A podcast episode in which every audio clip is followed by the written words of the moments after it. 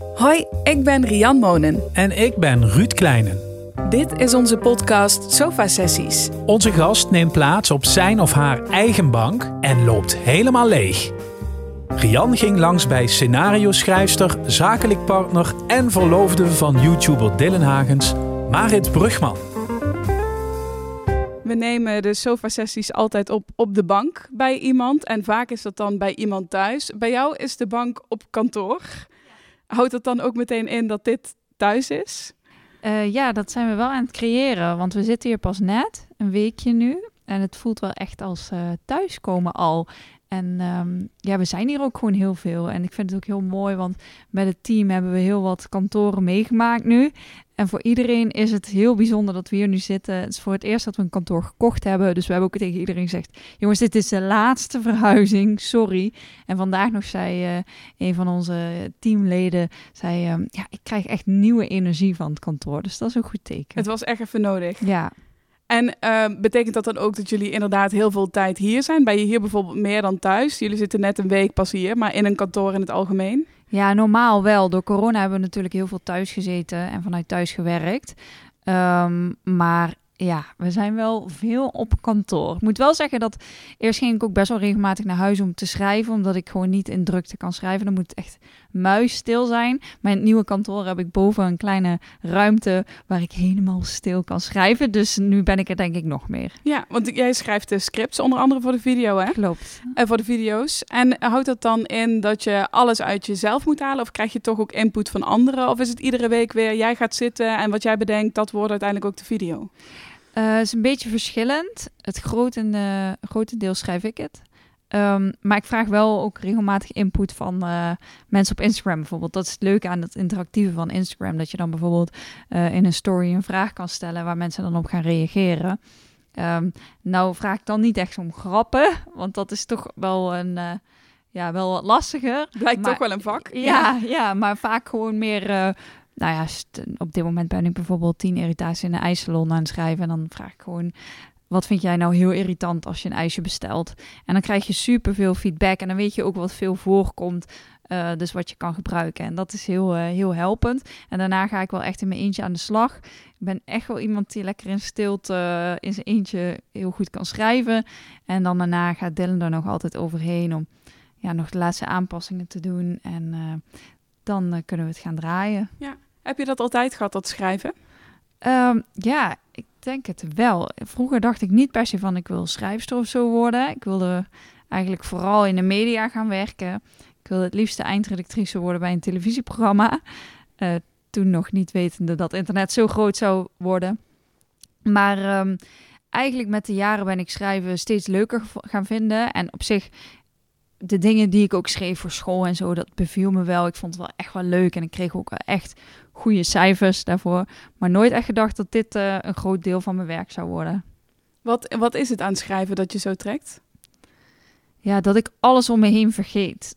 Als ik een script aan het schrijven ben en ik zit er echt lekker in, dan ben ik zo uren verder. En ja, ik vind het zo lekker om creatief na te denken en op grappige ideeën. Nou, en toevallig zijn we nu bezig met de opnames van een NPO-serie die ik heb geschreven samen met een andere schrijver. En dan sta ik daar op set, want dan ben ik ook voor scriptcontinuïteit. En dan zie ik de crewleden echt lachen om, uh, om het acteerwerk. En dan denk ik, ja, dat is gewoon super vet dat wat in je hoofd zat, wat, wat ik heb geschreven, dat dat nu tot leven komt. En dat is wel het aller, allermooiste aan het werk. Ja. Maar dat, dat vraagt natuurlijk om techniek, dat schrijven. Dat vraagt bij jou dus blijkbaar ook om rust, even af kunnen sluiten en dat kunnen maken, maar ook om fantasie. Ja, ja, best wel. En dat zijn crewlid uh, vroeg dat mij uh, afgelopen zondag ook uh, op de set daar van die serie. Hoe bedenk je dit allemaal? Wat heb jij voor mind? Ik zei ja, ja, dat komt gewoon in me op. Ben je dan onder invloed? Nee, ik ben niet onder invloed. ik kan dit gewoon s ochtends doen, ik kan dit s avonds doen ja, je hebt natuurlijk wel inspiratie nodig en er zijn wel bepaalde technieken in humor. Maar ik moet heel eerlijk zeggen dat ik het altijd heel erg op gevoel heb gedaan en juist nu wel steeds meer aan het lezen ben over comedy. En dan merk ik van, oh, dat zijn eigenlijk dingen die ik al soort van deed, maar de theorie er nog niet achter wist. Dus um, ja. Ja, soms is dat juist ook goed, toch? Om het niet te weten. Ik weet even niet meer hoe de uitdrukking gaat. Maar dat je juist niet, uh, hoe zeg je dat? Niet belemmerd wordt door wijsheid of door kennis van hoe het eigenlijk zou moeten. Ja, en ik denk ook echt dat humor kun je niet echt aanleren. Dus je kan inderdaad wel theorie lezen van hoe je een grap maakt. Maar als je telkens dat trucje precies zo herhaalt, dan zul je nooit echt creatief worden. Maar het helpt je wel om um, bepaalde ja, grappen beter over te kunnen laten komen. Maar je zegt, ik kan dit ochtends doen en in de auto en het, het kan ieder moment van de dag tot je komen. Maar ben je wel iemand die ieder moment van de, of iedere dag ook echt een moment ervoor inplant? Van oké, ik moet iedere dag bij wijze van een uur gaan zitten en wat er dan uitkomt, komt eruit? Of is het allemaal heel vloeibaar? Nee, ehm, ik, ben, ik werk heel erg graag op deadlines. Dus mij moet je echt niet van tevoren ja, het kan wel eens af en toe, maar ik ga niet heel gemakkelijk een script schrijven wat pas over uh, tien weken nodig is. Dat, dat lukt mij gewoon niet. Maar als ik dan eenmaal een deadline heb, dan ga ik er wel heel lekker op. Als ik dan uh, gewoon een middag plan en dan komt het wel. Ja, met, dit, met de top 10, dat zit er al zo lang in. Dus dat, dat gaat me redelijk gemakkelijk af. Met die serie, dan moet je ook wel echt heel erg bezig zijn met de karakterontwikkelingen. En eerst het beschrijven van de karakters. Uh, verhaallijnen voordat je een dialoog gaat beginnen. Terwijl ik dialoog gewoon het allerleukste vind om te schrijven, want daar kan je veel in kwijt. Um, denk ook wel echt, Dylan zegt altijd, jij bent wel echt een ja, dialooggrappen maken, zeg maar. Veel met woorden en tekst. Uh, sommige mensen zijn heel erg visueel ingesteld en kunnen heel grappig, uh, absurde dingen laten zien. Dat heb ik iets minder. Maar uh, ja, dan ben ik er wel langer mee bezig en dan op verschillende tijd, tijdstippen en ook heel erg in mijn hoofd. Dan kan ik echt in bed nog liggen en dan ineens bedenk oh, maar dit moet dit worden. En dan schrijf ik het weer op, want dan moet ik het echt wel noteren, want ik wil het niet vergeten. Dan ben ik gewoon daar helemaal mee bezig. Maar met de top 10, omdat ik dat al zo vaak doe, kan ik dat beter afsluiten. Is er gewoon een moment voor de deadline, ik ga het schrijven, dan schrijf ik het wel. Daar zit eigenlijk al een soort routine in. Ja. Ja, jullie doen het natuurlijk ook al jaren ondertussen, dus op een gegeven moment creëer je dat ook. Ja, Ik gaf al even aan, uh, je schreef ook al veel tijdens school. Waar ben je eigenlijk naar school gegaan? Uh, Rijland College in Venray. Daar heb ik uh, eerst VWO gedaan, gymnasium. En toen ik daar klaar was, uh, toen vertrok ik naar Amsterdam. Daar heb ik uh, media en cultuurwetenschappen gestudeerd. En ehm, ja, ik dacht, nou, ik ga naar Amsterdam. Daar ga ik ook nooit meer weg. Mijn ouders komen er vandaan en die zijn zo lullig geweest om naar een gat in Limburg te verhuizen.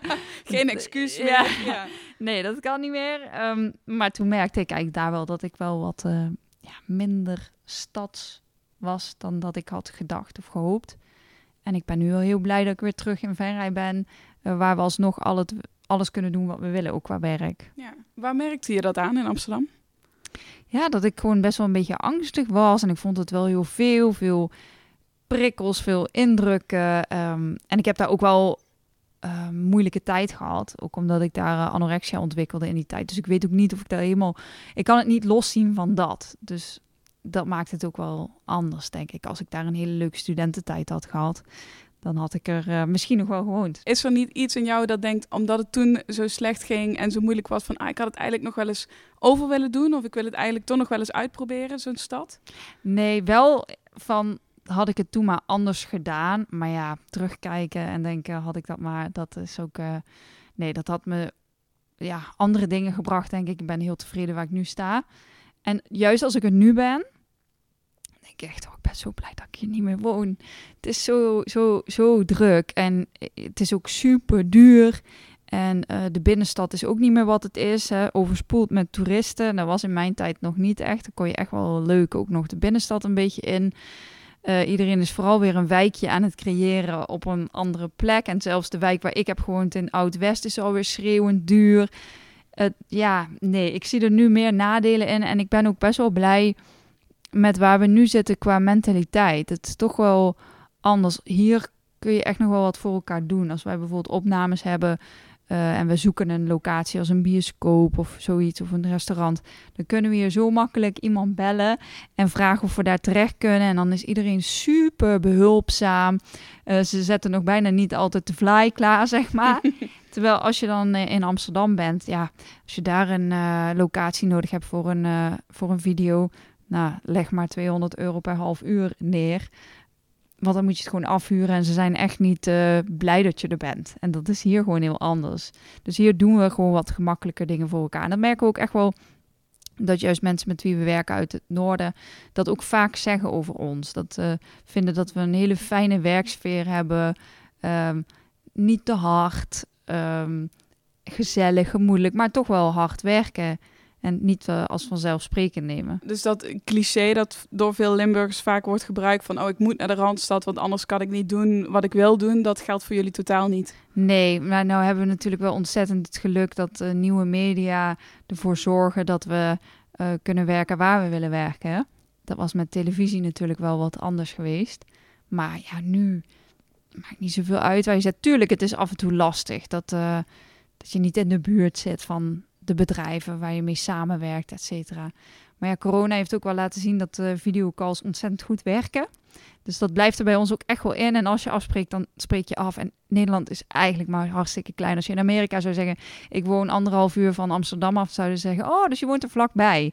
En hier vinden we het allemaal een enorme afstand. Maar ja, af en toe een afspraak in Amsterdam of waar dan ook. En is ook een stuk mindset. Op een gegeven moment ben je dat gewend. Dan is het voor iemand uit Amsterdam misschien heel gek, maar voor jullie is het eigenlijk al, uh, al niet anders. Ja, nou, toevallig ook uh, zondag op set. Daar werken dan heel veel mensen uit de Randstad mee aan die serie. En wij zeggen dan, kom een keer langs bij ons nieuwe Ja, maar waar is dat dan? Uh, Maastricht? Nee. Het is zeg maar, we hebben een provincie die redelijk uh, lang is. Hè? Het noorden is niet het zuiden. Voor ons is uh, Maastricht ook bijna een uur rijden nog. Oh, oh, echt? Ja, dat is wel een beetje, ja, Randstad-mentaliteit misschien. Dat ze het heel snel ver vinden en ook niet precies weten waar alles ligt. Dus uiteindelijk na een uh, uh, vervelende periode hier weer terugkomen. Als ik het er toch nog even over mag hebben, want je stipte ja. het zelf al aan. Het is ondertussen alweer dik tien jaar geleden dat je ook opgenomen bent voor anorexia. Uh, ja, 2012, dus negen jaar Oh, negen jaar ja, geleden, ja. En uh, anorexia, dat hoofdstuk heb je wel afgesloten. -hmm. Maar ik kan me voorstellen, dat is wel iets waar je misschien altijd mee bezig blijft. Hoe is dat nu, als je zoveel jaren later daarop terugkijkt? Ja, die periode is best wel vreemd voor mij om naar te kijken. Want ik voel als een soort van waas waarin ik heb geleefd. Dingen niet echt meegemaakt. Ik uh, kan me ook bijna niet meer voorstellen hoe ik toen was. Terwijl ik van uh, mijn ouders bijvoorbeeld hoor van, uh, dat ik heel hard was. En weinig gevoel leek te hebben. En natuurlijk allemaal lichamelijke kwaaltjes als altijd heel erg koud. En natuurlijk heel erg dun en et cetera, et cetera. Dus dat vind ik moeilijk voor mezelf om dat te zien. Maar um, ik weet wel dat ik er niet meer naar terug wil. Uh, dus dat ik niet gelukkig was, dat weet ik zeker wel. En um, ja, kijk, het blijft altijd bij je, denk ik. Het is met, misschien een beetje hetzelfde als dat je stopt met roken. Dat je nog lange tijd zal denken van... oh, ik ruik een sigaret, dat doet me denken aan. En dat is met, uh, met anorexia ook. Um, en anorexia is best wel moeilijk om vanaf te komen. En als je dan dingen in januari altijd ziet van afvallen, afvallen, afvallen... dan, dan triggert er wel iets bij mij dat ik denk van... oh ja, afvallen.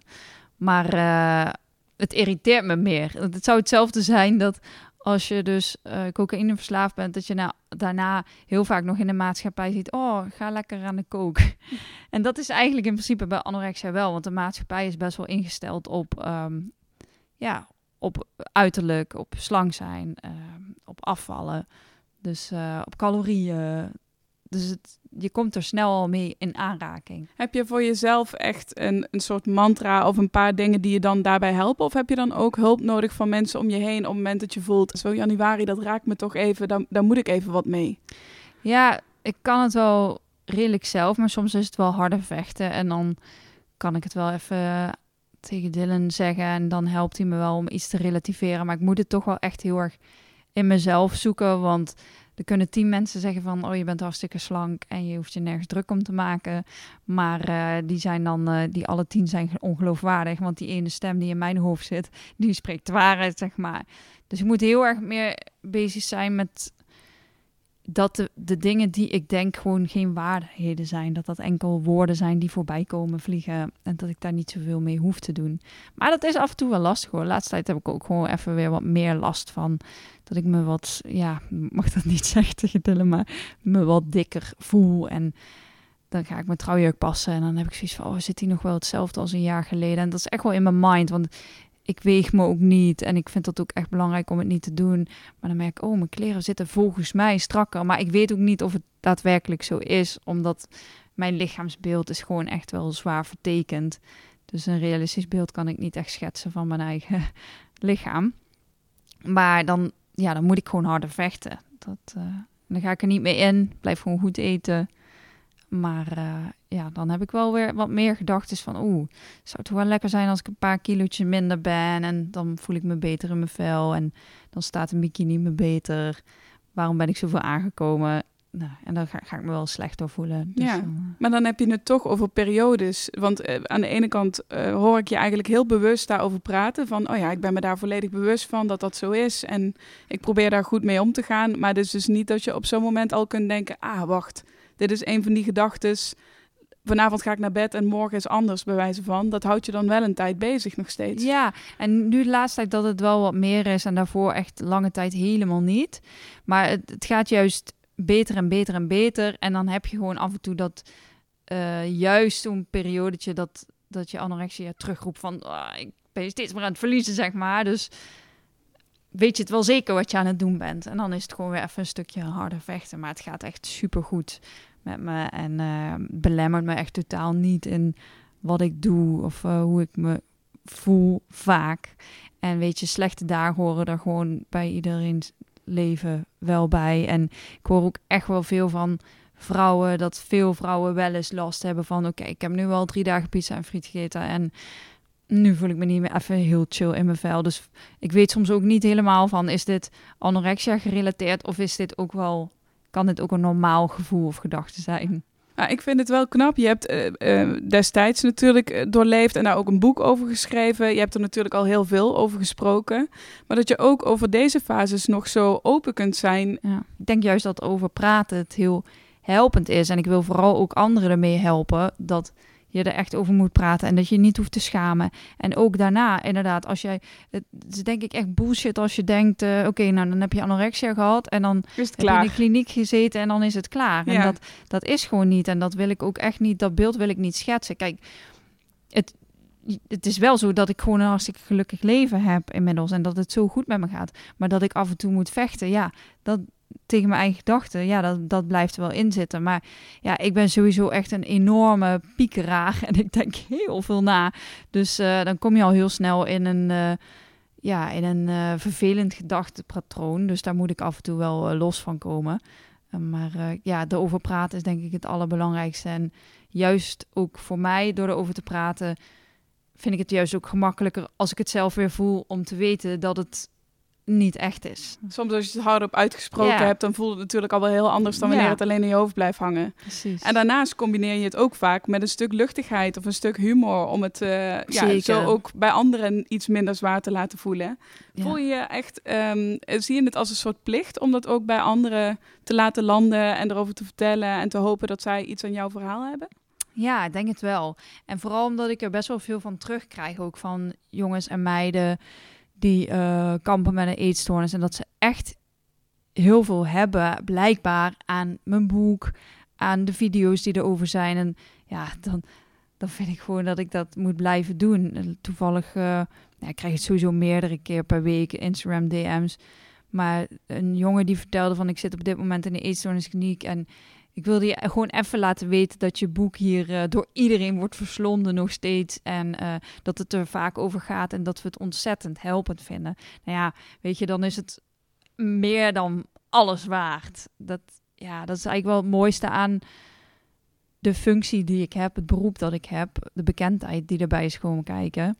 Bekendheid aan zich is, ja, ja, wat is bekendheid? Maar dat je dit kan betekenen in het leven van anderen op een positieve manier is kan bijdragen, ja, dat is het allermooiste. Je bent eh, daarna naar Amsterdam, naar Venray gegaan. Was dat ook echt om even weer thuis te komen? Of had je hier toen al werk? Of was er een andere reden om terug te gaan? Nou, ik kreeg toen een baan aangeboden hier eh, in Venray bij een lokale eh, nieuwsblad. En die wilde een televisiezender opzetten. En ik had daar een keer een stage gelopen al en een onderzoekje gedaan. En ik wist dat het heel belangrijk voor mij was om stabiliteit terug te vinden. En gewoon ja, ritme in je, in je leven, een doel om je uit je bed te komen. Dus toen ben ik dat gaan doen met het idee, ik ga dadelijk weer terug naar... eh, Ik- ja, zo van ik moet heel even landen, heel veel rust. ja, dan, dan ga ik dadelijk weer een keertje naar Hilversum of naar Amsterdam. Want ja, het is best bizar. Maar in de tijd dat ik dus heel heftig eh, qua eetstoornis zat, heb ik alsnog eh, mijn eh, universitaire studie met cum afgerond. Dus ja, ik wilde wel meer. Dus, ehm, maar ik vond het hartstikke leuk hier hoor. Maar ik had wel het gevoel van, ik ga dadelijk wel weer meer willen. Ja, en toen ontmoette ik Dylan in die periode. En het meer willen is toen op een hele andere manier gegaan. En toen was ik ineens eh, zelf ondernemer, wat ik nooit had gedacht. Ja, want jij ontmoette Dylan bij een interview, was het ook voor, die, eh, Ja. lokale, voor het bedrijf? Ja, klopt. En eh, jullie leerden elkaar daar kennen, raakten natuurlijk met elkaar in de praat. En binnen een paar weken woonden jullie al samen. Ja, Het was gewoon meteen duidelijk. ja het is echt heel, heel raar. Want we kwamen allebei een soort van net uit een relatie. En ik had echt zoiets van, nou, ik heb nu best wel lange relatie gehad. En een eetstoornis. Dus ik ga nu echt, ja, gewoon even vrijgezel zijn. Leuk jongens ontmoeten. Kijken hoe het loopt.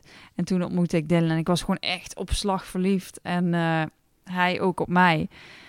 En eh, ja, binnen twee weken woonden we inderdaad eh, bijna een soort van praktisch samen. Ik had net een woning gevonden en hij stond al met zijn tandenborstel klaar. En we hebben elkaar niet meer losgelaten. En echt veel mensen verklaarden ons zwaar voor gek. Van ja, oké. En toen ook toen we samen gingen werken, van, moet je dat wel doen? En, maar wij hebben daar gewoon scheid aan. Als het goed voelt, voelt het goed. En ja, inmiddels staan we waar we nu staan. Ja, want ik bedoel, je hebt al, je wist al, ik wil iets doen in de media. Was je voor jezelf ook al aan het doen? En Dylan was al video's aan het maken. Dacht je ook meteen van, hier wil ik wel onderdeel van zijn? Nee, helemaal niet. Kijk, ik vond het leuk dat we een gezamenlijke interesse hadden. En dat merkte je ook in de gesprekken die we voerden. En ehm, ik denk, Dylan eh, heeft mij van alles geleerd van wat hij aan het doen was. En ik ook weer meer over film. En dus we hadden gewoon best wel veel raakvlakken. Maar ik had nooit het idee van, oh, dan ga ik dadelijk met hem samenwerken. Totaal niet. Maar best wel natuurlijk ging ik hem een beetje helpen met meer productie. Eh, ik had stage gelopen bij Paul de Leeuw. Dus ik had ook wel wat kaas gegeten van redactiewerk. Ehm, dus ik begon steeds meer voorbereiding voor hem te doen en dingen te regelen. En we merkten dat dat super als vanzelf ging. En dat het voor Dylan heel fijn werkte. Want Dylan is echt een creatieve geest. Inmiddels ook steeds meer ondernemersgeest worden. Maar toen echt een creatieve geest die gewoon alle kanten op kon gaan. En als hij zin had om een video op te nemen, dan ging hij dat doen. Maar hij kon ook gewoon twee dagen lekker aan het gamen zijn. En ja, toen heb ik er misschien wel voor gezorgd dat er meer structuur kwam. En daardoor meer uploads. En uiteindelijk ook was er een stagiair. En toen is het balletje een beetje gaan rollen. En toen was er een moment dat we tegen elkaar ook zeiden... Ja, het gaat nu toch wel groter worden. Wat gaan we doen? Ik, Dylan zei, ik heb echt wel iemand nodig. Ja, met jou gaat het gewoon hartstikke goed. Gaan we die stap nemen? En het was best wel spannend, want toen werd er echt nog niet genoeg verdiend voor eh, een huishouden van twee. Dus we hebben die stap ook wel echt eh, gezet met, met de gedachte van als het dan over een jaar niet werkt en we niet genoeg verdiend hebben voor met z'n tweeën, dan ga ik gewoon wel weer wat anders doen. Maar eh, ja, kijk waar we nu zitten. Het heeft zich enorm geloond dat jullie je niet hebben laten leiden door meningen van anderen. Terwijl ik me kan voorstellen dat jullie genoeg meningen over jullie heen krijgen iedere dag. Is dat makkelijk voor jullie om dat eh, geluid uit te zetten en jullie eigen ding te doen? Ja, ligt eraan wat voor meningen. Als het mensen zijn die er echt niet toe doen en het gaat over, eh, nou ik vind dit niet leuk of dit, ja, dat maakt niet uit. Eh, als mensen dichtbij wel een bepaalde mening hebben, dan vind ik dat wat lastiger. Maar dat is eigenlijk niet zo. Mensen vinden het eh, in onze omgeving echt super mooi wat we aan het doen zijn. Krijgen heel veel positieve feedback. Dus, ehm, maar nee, wij laten ons niet echt leiden door andere meningen. Maar het is wel knap dat je op zo'n eh, moment van... oké, we gaan hier met z'n tweeën gewoon aan werken... eh, zowel besluit, dat is natuurlijk zowel een besluit voor je relatie als voor je carrière. Eh, heb je het dan ook echt erover ehm, toen al van... oké, stel we gaan uit elkaar, wat dan? Stel het bedrijf werkt niet, wat dan? Want dat is nou misschien toch best wel een volwassen gesprek voor een paar jaar geleden. Jullie waren toen zeker. allebei midden twintig. Ja, Dat lijkt me toch niet niks om dat gesprek nee, dan te zeker. voeren? En eh, dat hebben we ook eigenlijk heel snel gedaan. We hebben een super goede accountant, een hele leuke, fijne man. En ehm, die kwam meteen aan met aandeelhoudersovereenkomsten. En die zei: Dit is niet leuk, maar we gaan dit nu wel doen. En we hopen dat we dit er daarna nooit meer bij hoeven te pakken. En ik vond het best wel moeilijk, want het gaat ook over meteen van... wat nou als Marit overlijdt? Wat nou als Marit in een rolstoel komt? Uh, wat als Dylan overlijdt? Wat als... Dat soort dingen. En ik vond dat ik vond het helemaal niet leuk. Um, maar het is allemaal goed geregeld. Dus we weten wat er gebeurt als we uit elkaar zouden gaan. Of als er iets met uh, een van beiden gebeurt. En dan ligt het nu maar gewoon in de kluis. En dan kun je er altijd op terugvallen als er iets uh, aan de hand is. Maar ja, dat, ja, ik kan me dat uh, tot nu toe niet voorstellen. Nee, nee, nee. nee. Bedoel, daar, daar, gaan we het verder ook niet over hebben. Maar nee. het is natuurlijk wel een stap die je dan samen zet.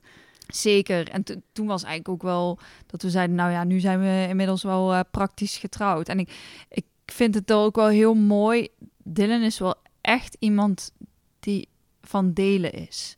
Dus we zijn in principe zeg maar verder gegaan met zijn bedrijf, wat hij ooit heeft gestart.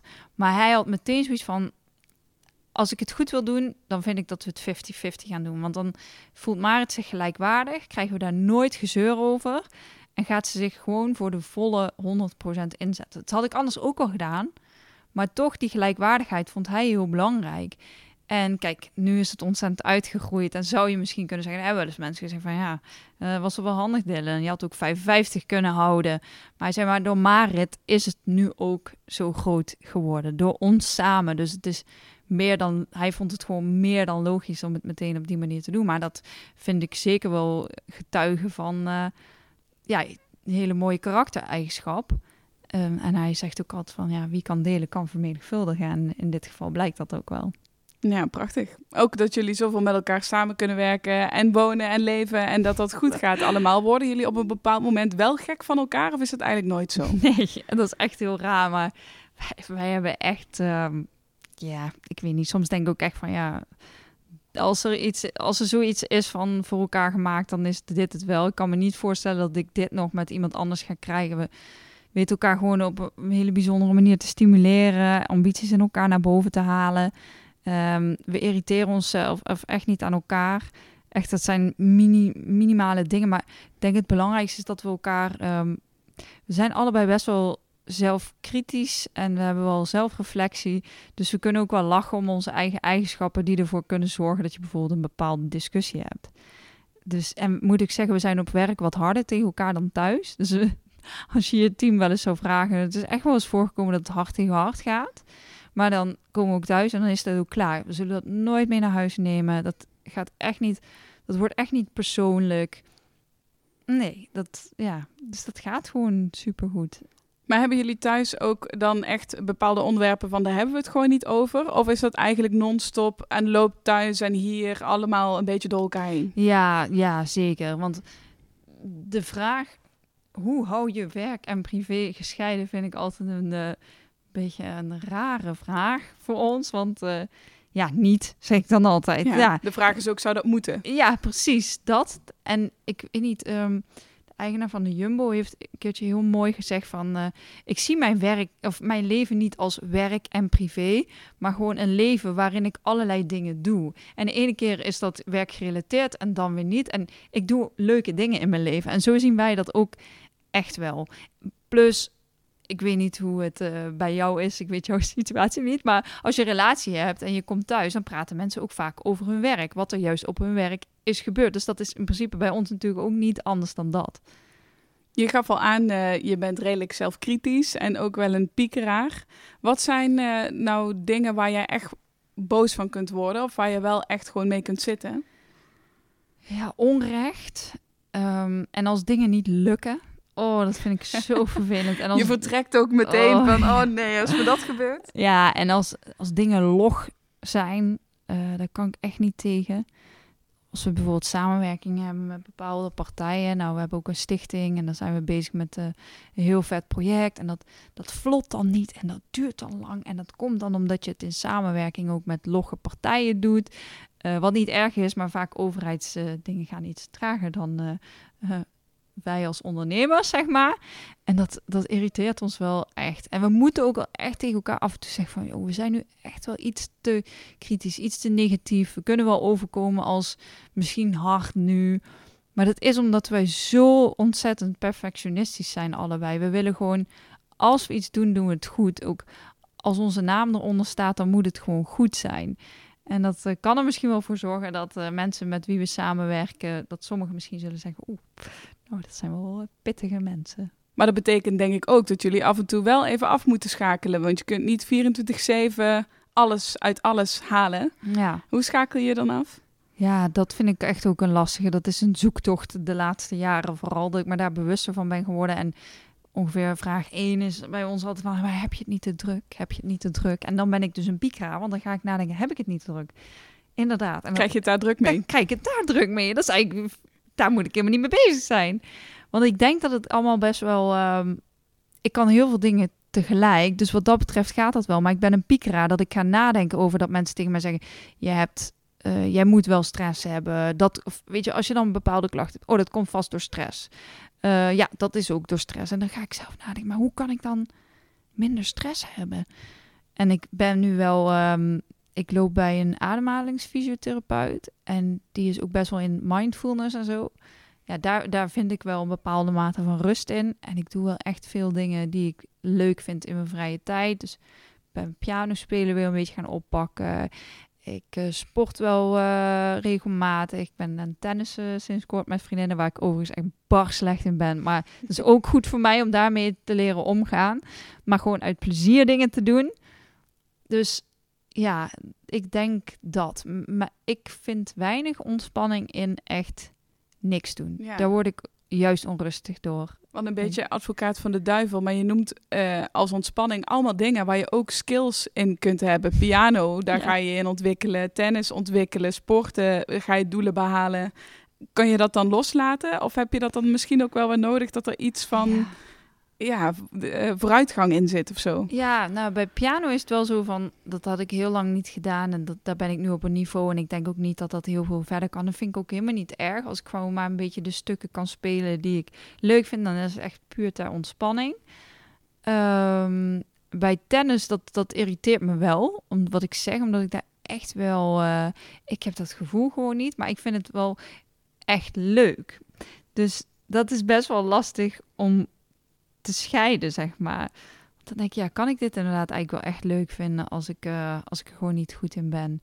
Maar dan zit er natuurlijk ook wel een bepaalde mate van, oké, ik wil hier echt wel beter in worden. Of soms, ik ga hiermee stoppen, want ik ben hier super slecht in en ik wil eigenlijk in alles wat ik doe super goed zijn. Dus dat is een goede test voor mij. En um, ja, verder, ja, dat zit gewoon echt wel in me. Ja, ook met spelletjes, met waar niet mee. Ja, ik zie in heel veel al snel uh, competitie. Je liet heel even ook al de stichting vallen uh, die jullie opgericht hebben. Stichting Durf te Vragen.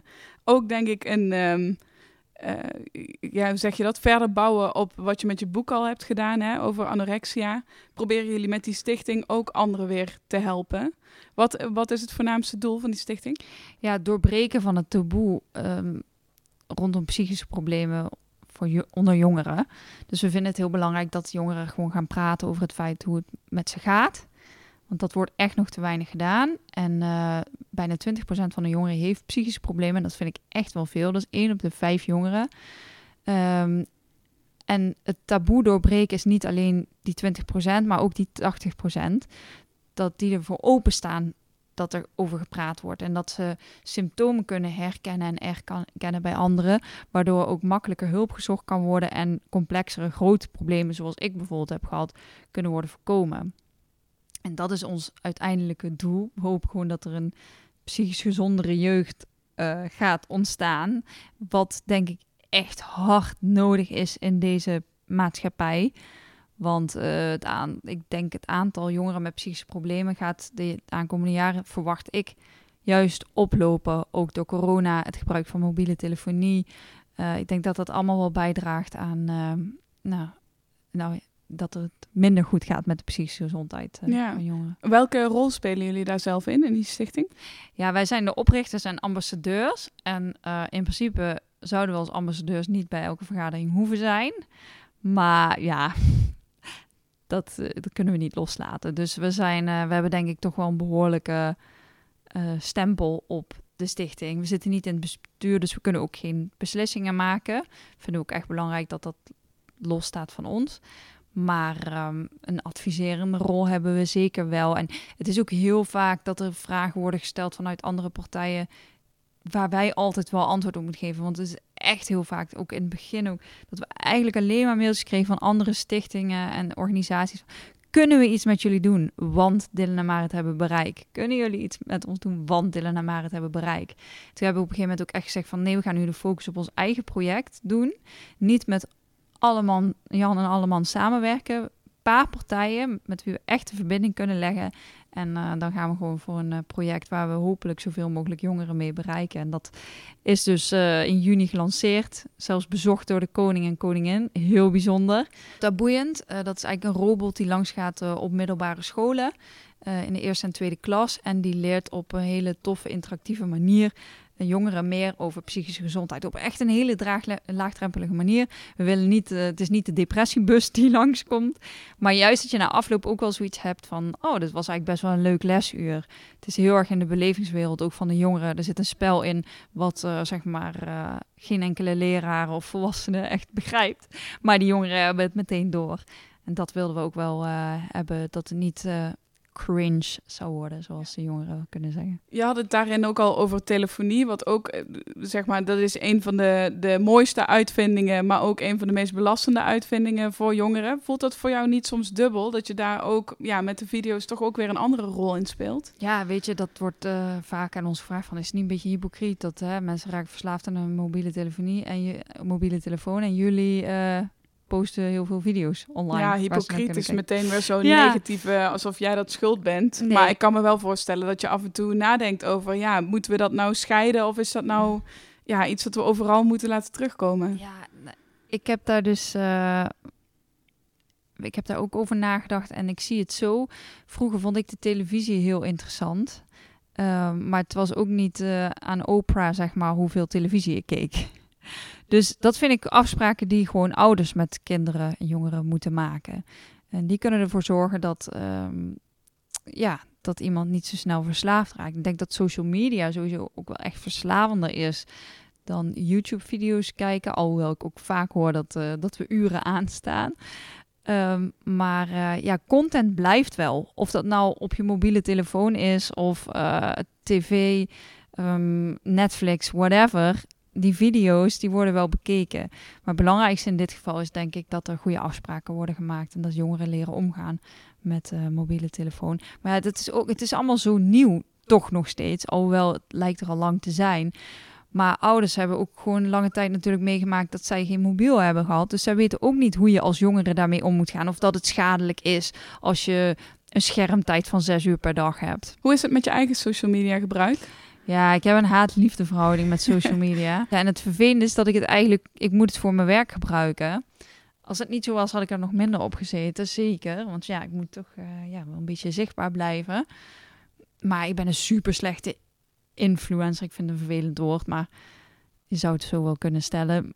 Dus ik post dan één keer in de maand een keer iets op Instagram. Ik vind stories wel echt super leuk. leuk. Dat probeer ik al echt vaker te doen. En dan krijg je ook veel interactiviteit en je hoeft er niet op je beste uit te zien. En dat vind ik gewoon heel erg leuk. Hoeft sowieso ook niet in post hoor, maar dat gevoel heb ik toch wel een beetje. Ja, als je het moet cureren, dan ga je er druk om maken. Terwijl stories, dat voelt wat meer als een gesprek. Ja, precies. Dat vind ik echt wel leuk. Maar dat doe ik ook met fases. Soms dan post ik echt uh, tien stories op een dag en dan doe ik dat een week lang. En dan doe ik het weer helemaal niet. En dan is het alleen als ik een, iets zie dat ik het repost of zo.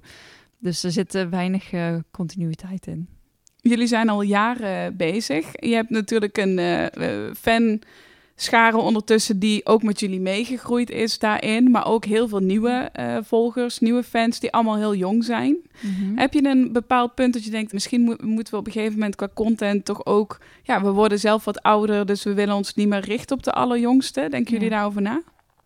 Nou, YouTube is wel een interessant platform, want het is er voor iedereen. En de doelgroep die het kijkt is de afgelopen jaren steeds jonger geworden. Dus toen wij begonnen, toen hadden we kijkers tussen de 12 en 16, zeg maar. En daarboven nog en iets jonger. Maar het werd steeds jonger omdat broertjes en zusjes gingen meekijken en die iPad uh, of tablet al in de hand hadden.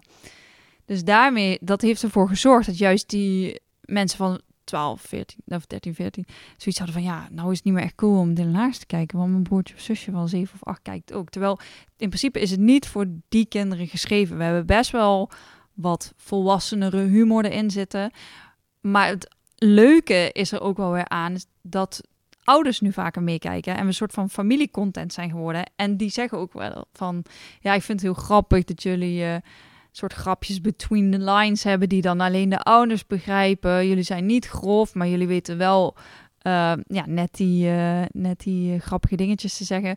Dus we zijn daar niet heel veel mee bezig. We maken gewoon wat we leuk vinden. Maar we zijn nu wel ook andere projecten aan het doen waarbij duidelijker een doelgroep is. Bijvoorbeeld nu voor NPO 3 zijn we dus een serie aan het maken echt voor jongeren. Dus ik zou zeggen 15 plus, zeker wel. Het is ook echt wel wat grover. Niet plat, maar wel wat grover. Uh, en ook over een onderwerp wat niet per se uh, voor je heel jonge kinderen is. En dat vind ik ook wel echt heel, heel, heel leuk om te doen. En we zijn ook alweer bezig met een ander idee. En dat zou dan juist weer voor een jongere doelgroep zijn. Dus ik vind die mix wel heel tof. Dat je je creativiteit telkens weer ergens anders kwijt kunt. Ja, en ik denk wat betreft Dylan is wel steeds meer een soort van... Ja, zeg om te zeggen, een soort allround bekende Nederlander geworden. Dat hij uh, door heel veel mensen wordt herkend. Uh, ik denk dat met name wel de je jeugd naar hem kijkt. Um, maar we zijn nu dus dat project voor de NPO 3 aan het doen. Daar heeft hij echt een heel klein rolletje in als iemand anders. Uh, maar vooral regie doet hij en ik schrijven. En daar hebben we ook wel heel veel passie voor. Dus het is niet per se dat we met onze hoofd altijd op de voorgrond willen staan. Dus ik hoop dat we aan de achterkant ook steeds meer andere doelgroepen kunnen bereiken. En ik denk dat dat ook wel kan. Want als ik kijk naar... Ik was vroeger echt fan van Zoep. En uh, Ewout Genemans heeft dan bijvoorbeeld zijn productiebedrijf. Ja, het is niet zo dat uh, alleen maar kinderen naar hem kijken of zo. Juist iedereen kan er naar kijken, want het ligt gewoon aan het type content wat je maakt. En eigenlijk, zeg maar, die uh, contentstroom van jullie zelf, die gaat gewoon gestaag door. Alleen voor jezelf pak je dan af en toe projecten ertussenuit dat je denkt, oké, okay, ik wil even wat anders. Of even ja. Mezelf ook uitdagen misschien Precies. met wat anders. En ja. dat kun je daar dan in kwijt. Ja. Wat is er nou iets dat mensen echt niet van jou zouden denken? Of nog niet van jou weten? Poeh, dat is altijd zo'n... Of altijd zo'n... Dat is gewoon een hele lastige vraag. Wat weten niet, mensen niet van mij? Nou, ik denk dat mijn hele leven op straat ligt. Nee, misschien wel de... Ja, ik wou zeggen kwetsbare kant, maar dat, dat eigenlijk niet. Want ik laat ook wel zien met mijn eetstoornis.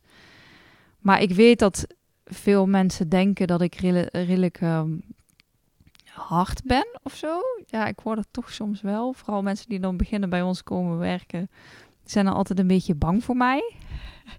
ik weet ook niet precies waar dat door komt. En dan leren ze me kennen en dan denken ze, oh ja, dat valt allemaal hartstikke mee. Die is best wel soft. Wat grappig dat dat beeld dan is ontstaan. Ja, ja ik, ik weet niet. Volgens mij heb ik dat een beetje van mijn moeder. We zijn allebei heel direct. En um, zijn niet op ons mondje gevallen. En uh, ja, iets van een uitstraling of zo, denk ik dan toch. Uh, wat, uh, ja, Dylan zegt als ja, maar je hebt een soort van uitstraling. Maar met haar moet je niet sollen, zeg maar. Dus um, ja. Kan ook voor je werken, ja, toch? Zeker, ja, zeker. Dus dat zou ik dan denken. Verder, ja, nee. Je noemt even je moeder. Je ouders zijn verhuisd naar Plitterswijk. Mm -hmm. En zie je ze nog veel? Ja, zeker. Ja, we zien ze echt wel meerdere keren per maand. Ik uh, vind het ook wel steeds belangrijker worden om ze veel uh, te zien. Als je dan toch zelf wat ouder wordt, dan waardeer je des te meer uh, de band die je met, met je familie hebt. En ik heb gewoon een super goede band met mijn ouders. Echt heel erg goed. Mijn moeder zit ook in het bestuur van de stichting. En mijn vader is bijna uh, met pensioen, maar de verhalen die hij altijd heeft over zijn werk vind ik ook fantastisch. En ze wat, zijn wat, doet je of, wat doet je vader nu nog? Ja, ja hij is uh, ja, kleurenspecialist bij een, uh, een printerbedrijf, een Japans bedrijf. Dus hij werkt heel veel samen met allerlei nationaliteiten en heeft zoveel gereisd en zoveel meegemaakt. En dat is altijd zo leuk om te horen. En dus we hebben echt heel veel toffe gesprekken over, uh, over dat soort dingen. Ook met mijn moeder. En zij zijn echt super trots op, uh, op wat ik aan het doen ben. Dat is heel leuk om, uh, om mee te maken. Het zijn echt de grootste fans die iedere zondag klaar zitten voor de nieuwe video. Ze volgen alles en waar ze kunnen helpen ze ook. Mijn vader wil zelfs, die zei na, nadat ik klaar ben, dan kom ik wel af en toe op het kantoor zitten.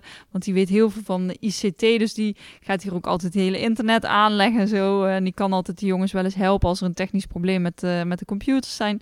Dus het is heel bijzonder om dat om ze daarin ook uh, te betrekken. Heb je nog broers of zussen? Ja, ik heb een zus. Zij uh, is uh, psycholoog. En ze heeft twee fantastische kinderen, mijn neefje en nichtje. Ja, en wij, ja, zo leuk. We zijn ja, grote vrienden. Dylan is echt de grote vriend van mijn neefje, Ruben. Die vindt het echt fantastisch. Die zijn al vanaf dat Ruben klein is. Hij is nog steeds klein, hij is zes dat is gewoon twee handen op één buik. Die wil altijd met Dylan uh, lekker spelen. Dylan is gewoon echt heel goed ook met Ruben. En nu wordt hij steeds ouder. En um, nu begint hij het ook wel een beetje te snappen wat, uh, wat wij doen. Want ik weet nog dat hij een keer bij ons kwam logeren. Toen was hij denk ik vier, drie vier. En toen gingen we spelen in zo'n binnenspeeltuin. Maar Dylan had achter zijn kont aan de hele tijd kinderen. Wat wel af en toe lastig is, want we willen natuurlijk niet dat de aandacht dan uitgaat naar Dylan. Maar we zijn gewoon met, ons neefje daar. Um, en toen, ja, dan snap, toen snapte hij het allemaal nog niet.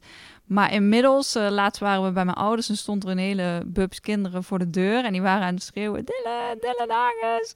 En mijn neefje gaat naar voren uh, en die komt terug. Dylan, dat zijn uh, fans van jou. Die moet even op de foto gaan. En toen zei Dylan voor de grap, nee, zeg maar dat ze, dat ze gaan. Nee, nee, je moet op de foto gaan. Dus Dylan op de foto met al die kinderen. En hij komt terug, Ruben, mijn neefje. En die staat bij me en toen zei hij, Marit wij zijn wel speciaal voor jullie, hè? Lotte en ik. Die wilden gewoon even, even weten van, hè? Er is wel onderscheid. Ja, er zijn wel veel kinderen die dat leuk vinden, maar wij zijn wel speciaal voor jullie. Hè? Ik zeg, ja, natuurlijk, jullie zijn familie. En zei hij, ja, want ik ben jullie oom, hè? Ik zei, nou, het ligt net anders, maar het is net andersom. Maar uh, jullie zijn heel speciaal voor ons. maar ik vond het heerlijk om je even te spreken en wat beter te leren kennen. Ik ga toch nog even vragen, misschien is het, uh, ja, ondertussen, het duurt al zo lang. Je had het heel even over je trouwjurk. Ja, de bruiloft is natuurlijk verplaatst vanwege corona. Mm. Uh, hoe staan jullie daar nu in? Is er al een plan of wachten jullie nog even af totdat alles echt wat meer gaat rusten? Ja, we hebben het voor eind december uh, dit jaar gepland. En uh, ja, ik ga er wel gewoon vanuit. Ik heb ook gezegd, als het nu niet is, dan hoeft het niet meer. nee, maar we hebben alles ook al voorbereid. En um, ik heb er wel vertrouwen in. Ik denk dat het allemaal wel goed gaat komen. Um, we zeiden zelfs van, ja, Anders dan maken we overdag gewoon een, uh, uh, de trouwerij. En dan s'avonds maken we er gewoon een evenement van. We richten wel uh, even een bedrijfje op. Ja. En dan gaan we een evenement doen met testen voor toegang. Want het is gewoon een feest op een locatie. Nou, meerdaagse dingen kunnen op dit moment niet. Ja, je weet niet hoe het dadelijk is. Maar andere dingen kunnen op dit moment op zich wel, als je veel test. Ik denk dat veel mensen in het najaar ook wel weer een extra prik hebben gehad. Dat nog meer mensen gevaccineerd zijn. En ik denk dat er moet toch nu wel gedacht worden aan het feit van wat gaan we doen als dit door blijft lopen? Het is niet. Kan niet voor altijd dit blijven. Precies, het is niet ineens, het is er niet meer. Hoe het nu gaat, zal nog wel een tijdje blijven. Dus hoe gaan we daarop inspelen? En je ziet dat er heel veel druk is vanuit de samenleving. Dus ik verwacht we gaan het gewoon doen, zeiden wij. Ja. Als Grapperhaus het in die tijd heeft kunnen doen, toen het echt heel, uh, heel slecht gesteld was, dan moet het toen nu toch ook wel lukken, dadelijk met veel gevaccineerde mensen. Ja, dus daar durf je ook wel op te gaan verheugen. Dat gaat gewoon gebeuren, hoe dan ook. Ja, 80% verheugen, 20% nog wel die twijfels. Dus dat het hele idee van toen we ons net verloofd hadden, die, dat plezier is wel weg. Dat kan ik gewoon wel eerlijk zeggen. Het is gewoon echt wel anders. Ik heb nu telkens zoiets als we ook een afspraak hebben met... We hebben dan een wedding planner, wat super fijn is. Dan heb ik toch altijd zoiets van... Ik heb er niet zo heel veel... Ik heb er wel zin in, maar er zit altijd nog een bepaalde gedachte van... Ja, doe ik dit weer uh, voor niks? Maar ik denk als het dadelijk beter en beter en beter gaat worden... dat ik me steeds positiever uh, ga voelen. Ik zou het wel echt heel fijn vinden als we gewoon niet op anderhalve meter moeten zitten. Dat je daar geen rekening mee hoeft te houden. En ik weet dat uh, als je er eenmaal bent, dat er echt wel bij veel plekken wat losser wordt gedaan. Maar weet je, wij hebben ook wel een voorbeeldfunctie. Ik wil niet, ja, wij willen juist geen grapperhaus zijn, maar, van, toen. Um, dus uh, dat hoop ik gewoon, dat je elkaar wel kan knuffelen. Want wat is een bruiloft als je geen liefde naar elkaar kan tonen? Daar kijken we naar uit, dat dat in december gewoon zo gaat zijn. Ja. Voor nu laat ik je volgens mij bijna aan de vakantie beginnen. ja, heel lekker. Twee weken vakantie. Ik ben er ook wel echt aan toe. Dat zegt iedereen volgens mij altijd als je vakantie heeft. Je Dus leeft die laatste week is natuurlijk Ja. altijd de meest heftige Ja, week. Ja. En het is super leuk wat we doen, dus ik heb net zoveel zin om dadelijk weer te gaan beginnen. Maar ik heb ook wel zin om even rust. Dus ik ga ook echt, echt, ik zei het al net eh, tegen jou voordat we zijn gestart hiermee. Ik denk dat ik echt mijn mail eens een keer uit ga zetten, want dat heb ik tot nu toe nooit gedaan. Maar misschien wordt dit wel de eerste keer dat ik mijn mail ook echt niet ga bekijken. Het is jullie gegund. Dankjewel. Dankjewel.